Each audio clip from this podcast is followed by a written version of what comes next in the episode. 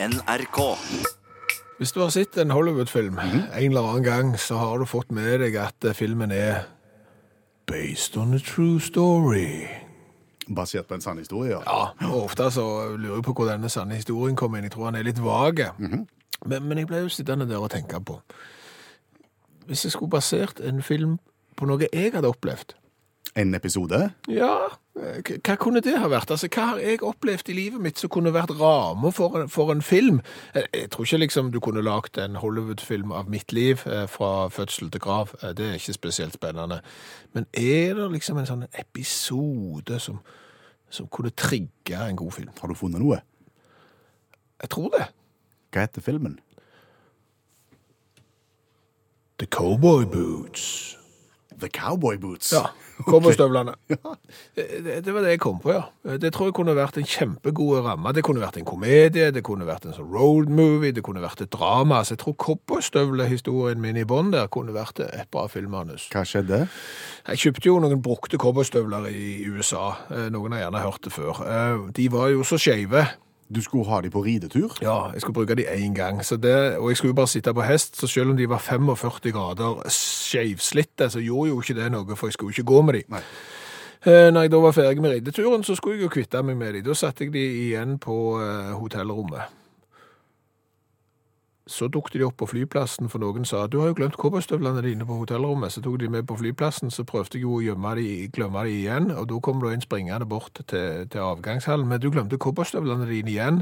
Tusen takk, sa jeg. Så prøvde jeg å kvitte meg med de for tredje gang. Hva gjorde du da? Da satte jeg de bare bak en sånn en båsdunk og tenkte at nå er det ingen som finner de. Og så når jeg da kom tilbake til Norge eh, etter å ha vært på jobb en dag, så sto de på trappa i pose. Nei. Jo, du har glemt cowboystøvlene dine. The Cowboy Boots. Og, og det tror jeg kunne vært et bra sånn rammeverk for, for en film. Det kunne vært en komedie. Du kunne ha glemt cowboystøvlene x antall ganger og bare bygd ut, eller, eller så kunne det liksom vært en symbolikk på Ja, noe. altså Cowboystøvlene kunne jo på en måte vært eh, hva skal du si, et bilde på det som du aldri ble kvitt. Det som hjemsøker deg. Ja. Som, som biter deg i halen hele veien. Ja, ja. Det er noe her. Ja, altså. altså Dansk regissør og svart-hvitt, og så skeiv- skeivgåtte cowboystøvler, så har du et drama som ja. Ingen problem. Ja. Har, har du noe altså, Lite drama. Men, men jeg har jo tenkt igjen, sånn som du har tenkt, om det er en episode som kunne vært et rammeverk, om ikke annet. Ja. Jeg har sett for meg en episode som kunne vært en åpning på en film. Okay. Uh, filmen heter Stupebrettet. The Diving Board, for eksempel. The stupid bread. Stupebrettet. Yes. Yes, What happens in the stupid bread? Uh, we go back in Oslo. So okay. to, uh, dette her er Oslo på 80-tallet. Eh, jeg er i Frognerbadet. Jeg er en eh, ung tenåring og, og bader der. Og tenker jeg har lyst til å gå opp på timeteren i Frognerbadet for å bare se hvordan det ser ut der oppe. Ja. Ingen ambisjoner om å verken hoppe eller stupe. Nei. Går opp, er litt shaky i beina, går helt, helt, helt ut på kanten og ser ned. Det Mhm. er veldig mye folk, både i og rundt bassenget. Og da kommer det en sånn en sånn melding på høyttaleranlegget som sier at eh, nå er det klart på ti meter, vær så god. ja, så da må du hoppe.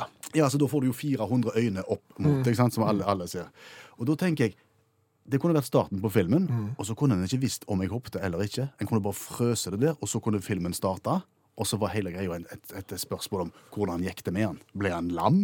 Hoppet han? Ordnet det seg? Based on a true story. Ikke sant? Ja. Jeg håpte, bare så det er sagt. Nå har, du, nå har du ødelagt filmen. Spoiler alert. Ja.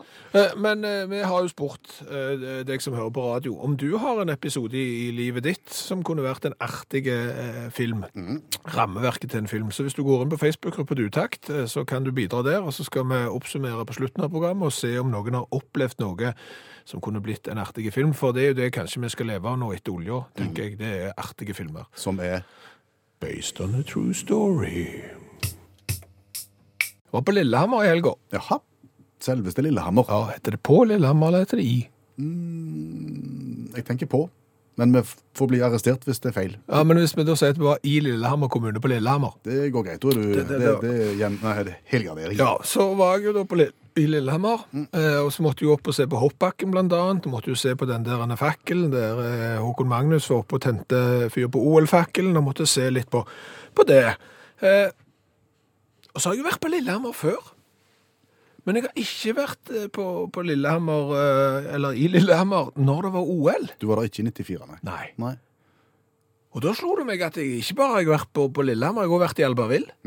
Men jeg har ikke vært i Albertville i 1992 når de hadde OL. Akkurat. Jeg, jeg har også vært i Grenoble. Når det ikke var OL. Ja, ja, ja, de hadde jo OL i 1968. Det var jeg ikke født engang. Jeg har vært i Barcelona. Når det ikke var OL. Ja.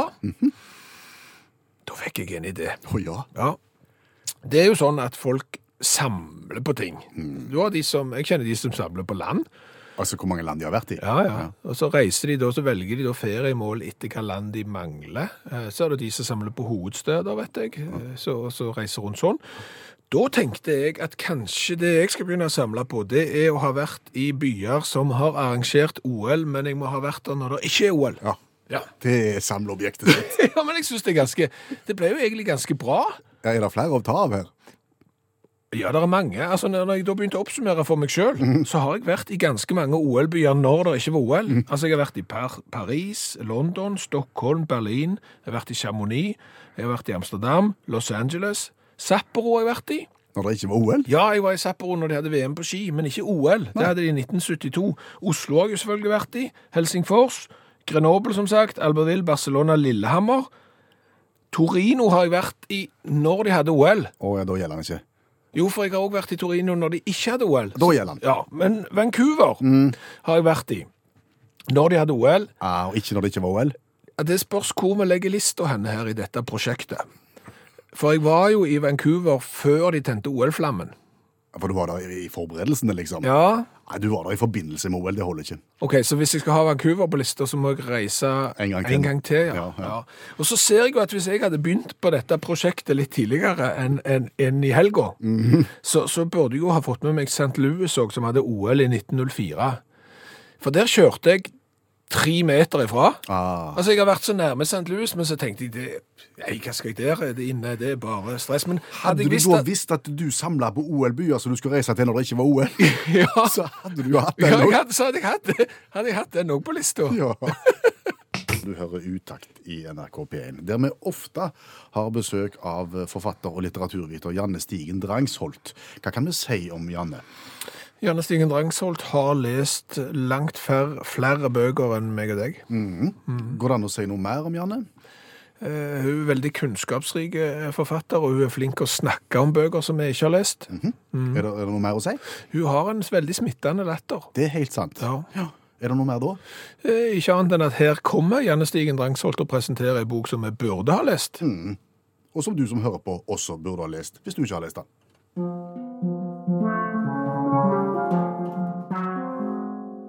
På kjøret fra 1957 av Jack Kerouac. To fyrer kjører rundt i USA. That's it. Når jeg hører på kjøret, da tenker jeg at det er en sånn 80-talls narkotikafilm. Ja, ja, men det, jo, men det er jo er forløperen til Kors og springkniven. Først var han på kjøret, og så gikk det så galt med han, men heldigvis i bok nummer to da, så finner han Jesus, og så går alt eh, bra. Ja, men det er jo faktisk ikke helt uh, ute å kjøre. Eh, Fordi at han heter jo On the Road på engelsk. Oh, ja. Men han er, de er jo litt på kjøret. Vi snakker jo 1957. Dette er jo liksom den ultimate ungdomsopprørsromanen. For dette her Altså, 50-tallet er jo kanskje den mest konforme tida i hele USAs historie. Eh, så det her Hva mener du med konforme Nei, at alle skulle jo eh, de, altså, Det hadde jo vært krig. Sant? Hitler hadde jo drevet og herja. Alle skulle være fornøyd med å eh, Pluss det var jo veldig sånn velstand i USA, så de oppfant jo all slags sånn maskiner som kunne gjøre det greit å være hjemme. Så alle skulle være fornøyd med å leve forstadslivet, ha 1,7 barn, og kvinnene skulle være hjemme og lage kaker, og menn skulle være på jobb og gå med dress og, og slips. Og da reiser de ut på biltur for Da- å på en måte vise litt muskler sjøl? Da havner de på kjøret. Eh, så dette, og de har jo De menger seg jo med litt sånn halvkriminelle folk, og det er dop og alkohol og sånne ting. Slapp av nå, du. Er det, er det sånn? Ja, det er litt sånn. Litt sånn vann og vann og venner-aktig. Blanding av det og Pelle Proffen. Ja. Det er jo ikke noe plott i denne boka. Det er liksom ikke noe sånn intrige. Det bygger seg ikke opp mot en sånn en, et mål eller noe. Det er bare at de liksom kjører Han er veldig sånn løst konstruert. Så det er jo en sånn en protest både mot eh, romanen som sjanger, mot, mot samfunnet, mot den konformiteten og alt det som på en måte preger USA. Og Jack Kerouac sjøl, han kom jo fra en veldig sånn fattig familie. Så at han på en måte tilhørte den gruppa som gjerne ikke følte at de hadde nådd den amerikanske drømmen, da. Så det er jo litt det òg med å sette ord på det og vise liksom hvem er det som faller utenfor.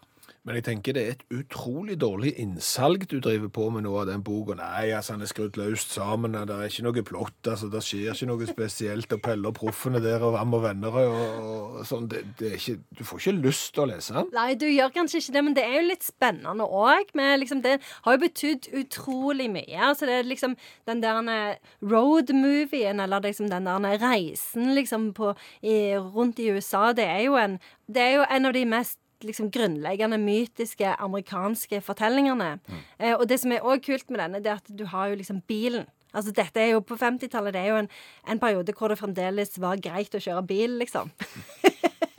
Så dette bilen representerer jo frihet og liksom muligheten til å faktisk bevege deg hvor du vil, selv om du gjerne ikke kan bevege deg liksom oppover i hierarki, sånn økonomisk og, og sosialt, så kan du kjøre hvor du vil. Er det noe moral oppi alt dette løse? Nei. Nei. Men er det et sitat du har lyst til å dele ja, med oss? ja, ja, det, ja, det er det. Det er det. Det er litt langt, da, men det går vel greit. Kom an. Ja. Det eneste jeg bryr meg med, er de helsprø. De som er helsprø etter å leve livet. Helsprø etter å prate. Helsprø etter å bli reddet. Som er grådige på alt mulig på en gang. De som aldri gjesper eller sier noe alminnelig, men som hele tiden brenner og brenner og brenner. Ja, men det er jo sånn Jo, det er er jo fossiler som er noe Ingen som er sprø, og de hater alt som er spredt. og... glad i rei. Er Glad i rei òg. Det er jo sånn.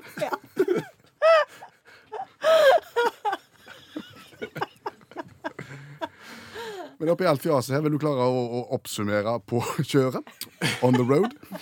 Forløperen til Kors og springkniven, etter det jeg har grunn til å tro, eh, og en road movie-bok, eh, der det er om å gjøre å kjøre amerikansk bil.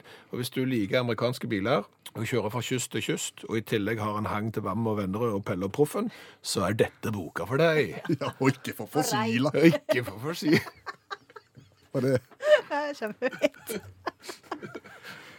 Da sier vi igjen tusen takk til Janne Stigen Drangsholt, forfatter og litteraturviter. Det var Phils, det var Calvin Harris, Pharrell Williams, Katy Perry og Big Sean, for å nevne noen. Ja, det er nesten så det hadde vært raskere å ramse opp de som ikke var med på denne sangen. En god gjeng. Da er det mye raskere å fortelle hvem som skal synge den neste sangen. Ja, det er deg. Ja.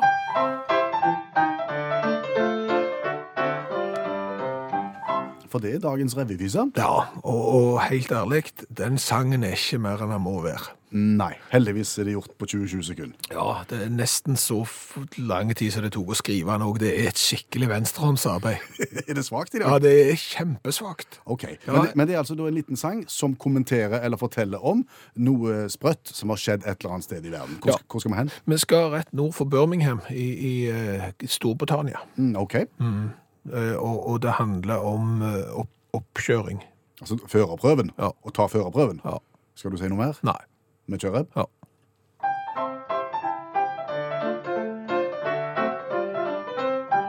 Nei, det finnes ingen grenser for hvor dumme noen er, og i England finnes en som få kan toppe. Han hadde nemlig strøket ni ganger på førerprøven sin. På forsøk ti så skulle ingenting han stoppe. Han øvde, prøvde seg og kjørte mange mil. Helt alene og det i en stjålen bil. Og når dagen kom og han skulle kjøre oppgang nummer ti, så ble han møtt av oppgitt britisk politi. Jaha, ja, det var mye ord. Ja, det var, og veldig mye klang òg. Ja, det var mye klang. I det hele tatt, det, som jeg sier, denne sangen er ikke en det er bitten mer enn han må være. Det er ikke en bauta. Nei, men, men sånn er det. Han ble unnfanga i siste liten. Og det handler altså da om en kar som du skal kjøre opp til førerprøven for tiende gang, Ja. oppfatter jeg. ja. Og så stiller han med stjålet bil. Nei. Jo, altså, han, han stiller jo da For det første så kjører han jo til førerprøven, og, og det er jo godt gjort. For han har jo ikke sertifikat, Nei. så han tropper jo opp der. Ja, var det her jeg skulle kjøre opp? Ja. Eh, I bil. Som ikke er hans. Det viser seg jo òg at det ikke er hans. Nei. Så, så i tillegg så har han stjålet bil Ja. og ikke sertifikat. Og da står jo bare politiet der. Og, og første setningen min i sangen, det finnes ingen grenser for hvor dumme noen er, Nei. det var jo det eh, det britiske politiet også skrev i Twitter-meldingen, at av og til så overgår det jo fantasien hvor utrolig løk folk kan bli, når du A, kommer kjørende til førerprøven, B, ikke har din egen bil engang, men kjører en bil som du ikke har lov til å ha. Vet vi noe om de ni andre gangene han forsøkte? Hva var det som gjorde at han ikke sto da? Var det for manglende kjøreferdigheter, eller var det, var det kriminelle ting da? Nei, det sier historien ingenting om, men vi kan jo bare anta at siden han øvde så intenst med stjålen bil eh, før prøve nummer ti, så, så er det manglende kjøreferdigheter. Så eh, det er vel da et råd til alle som skal kjøre opp, eh, ikke kjør sjøl. Nei. Eh, da parkerer du kanskje for godt. Den er fiffig. Og jeg vil gjerne spørre deg, hvor mange norske matpakker tror du inneholder ost, eh, skinke eller begge deler? Veldig mange. Ja. Det er jo den klassiske norske matpakken, det, tenker jeg. Mhm. Litt ost, litt skinke. Det tenker jeg òg. Og hvis du går i butikken Ja. for å handle f.eks. ost og skinke, eh, hvor finner du osten, og hvor finner du eh, skinka? I kjøleskap, eller kjøleanordninger. Ja, Ja. De ligger der. ja. Så du finner Osten ligger ikke liksom i en reol midt på gulvet uten Nei, ikke skinka heller. Den, Nei. den ligger kaldt, ja. Ja. Eh, Så handler du. Mm. Ost og skinke eh, kommer jo hjem. Eh, Det er jo om å gjøre å forte seg hjem fordi at Nei, Du vil jo ikke at skinka og osten skal bli liggende i bilen Nei. ut forbi kuldesonen, på en måte. Nei. Så hjem, eh, få det inn i kjøleskapet så fort som overhodet mulig. Ja, det må ikke stå på kjøkkenbenken. Nei. Du må få det inn i kjøleskapet. Ja, ja, jeg tror vi har tatt det poenget ganske klart nå. Så smører du deg matpakke. Neste dag Da tar du ut osten og skinken av kjøleskapet. Ja. Så legger du det på brødskiven, pakker det inn i enten matpapir eller i en matboks, og legger det i I veska di eller i sekken din. Ja. Og så går du på jobb, og klokka er sånn type halv åtte på kvisten, tenker jeg. Mm. jeg. Der ligger han. Der ligger den. Det er på død og liv om å gjøre å få denne osten og skinka så fort som overhodet mulig inn i et kjøleskap, eh, når, når han ligger der for seg sjøl. Men med en gang du har smurt en matpakke, og den er kommet i kontakt med brød, f.eks., Så er det home free. da er det home free. Da er det ikke så farlig. Da kan han ligge i veska di eh, på kontorgulvet fra klokka er halv åtte til hun er halv tolv. Det gjør ingenting. Nei. Hva da for? Hva tid, altså, hva tid er den gjør feil? Er det da, eller når en skynder seg tidligere på dagen? Nei, det handler jo om både smak, eh, altså varm ost. Altså ikke sånn ostesmørbrødvarm, men sånn litt sånn lasjen, svett ost er jo ikke så god som, som kald ost, og det handler jo om eh, hvor lenge det skal holde seg òg. Men, men hvorfor det liksom Det er jo kjøleskap på jobb. Vi har jo kjøleskap på kontoret sågar. Altså, vi har kjøleskap ca. halvannen meter fra den veska som jeg har med meg på kontoret, men jeg tar jo ikke matpakken min ut og legger den i kjøleskapet. Det er Ikke så farlig, det. Nei, den bare ligger der med ost og skinke og, og blir litt sånn lasjen. Ja. Og så spiser jeg den, Ja. og syns det er helt greit. Det er inkonsekvent satt i systemet, dette. Ja. Det er egentlig det. Det er en utrolig eh, lite nyttig debatt, Ja. men Og dermed er den slutt nå. ja. Den eh, aller første setningen vi sa i eh, programmet i dag var Based on a true story. basert på en sann historie. Og hvorfor snakket vi om det? For vi hadde opplevd noe i livet vårt som kunne være et godt rammeverk for en film, i en eller annen eh, sjanger. Eh, Og det følte vi jo at vi hadde, men eh, så spurte vi om du som hører på radioen har noen opplevelser i livet som kunne vært et godt anslag, kunne vært en god ramme, en god idé for, for en film. Og det viser seg at det er det jo. Nå sitter jeg jo her med tre gode ideer til, til komedier, vil jeg si. Eh, En god idé til en skrekkfilm, og en film som enten kan være en romantisk komedie, eventuelt et eh, drama om forsmådd kjærlighet, eller eventuelt til og med en thriller med en rasgal eks.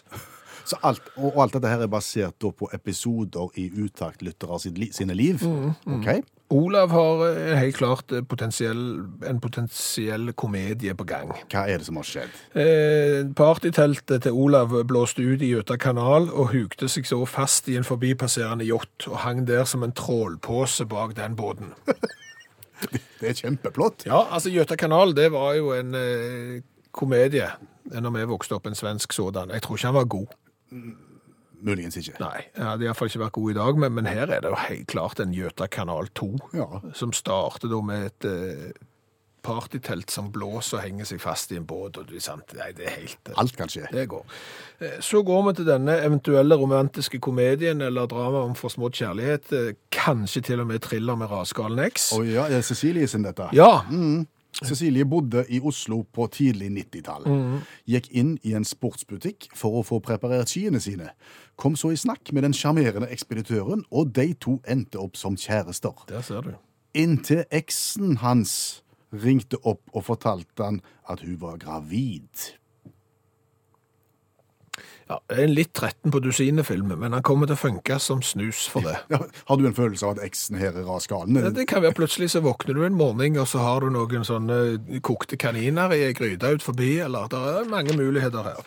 Eh, Kjersti har helt klart et manus til en komedie. Det er mye komedier. Ja, eh, scene 1. Ja, Stoffing, eller såkalt maling av båt i sommervarmen, okay. det er hardt arbeid. OK. Kirsti står og maler båt i sommervarmen. Scene to. Den utspiller seg på hytta. Om vår båt er blå unna Nei, det er naboen sin.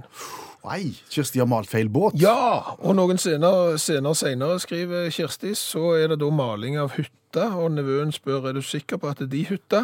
Det kunne blitt en farse, dette her. Ja, ja, det Sånn Inn og ut og maling og tull og Ja, tøys. ja. Helt klart eh, komedie.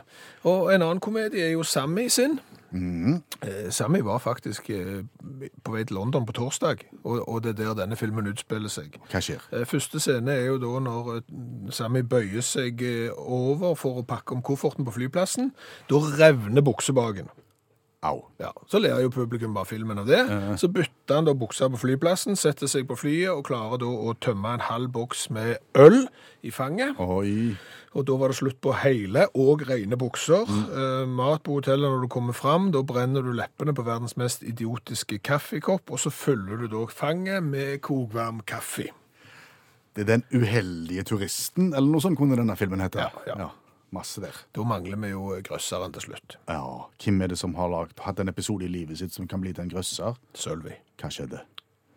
Sølvi var på shopping og fant en genser som hun ville prøve. Så hun gikk i prøverommet. Og da hun kom ut fra prøverommet, var butikken tomme for folk. Lyset var dempa, og rulleporten nede.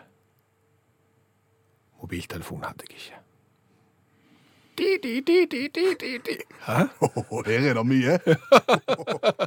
Så begynner kanskje utstillingsdokkene å leve. Ja, det er masse her det var potensial. Det viste seg at det var ansatte i butikken som skulle forte seg med å stenge, for de skulle på et eller annet kjekt, men, eh, men det var akkurat sånn at en av de ansatte hadde glemt noe i butikken og kom inn, og så fikk faktisk Sølvi kjøpt den genseren. Men det tar Nå, vi ikke med nå ble det ikke gøy lenger. Nei, nei, det ble ikke det, så vi holder oss til den der di, di, di, di, di, di.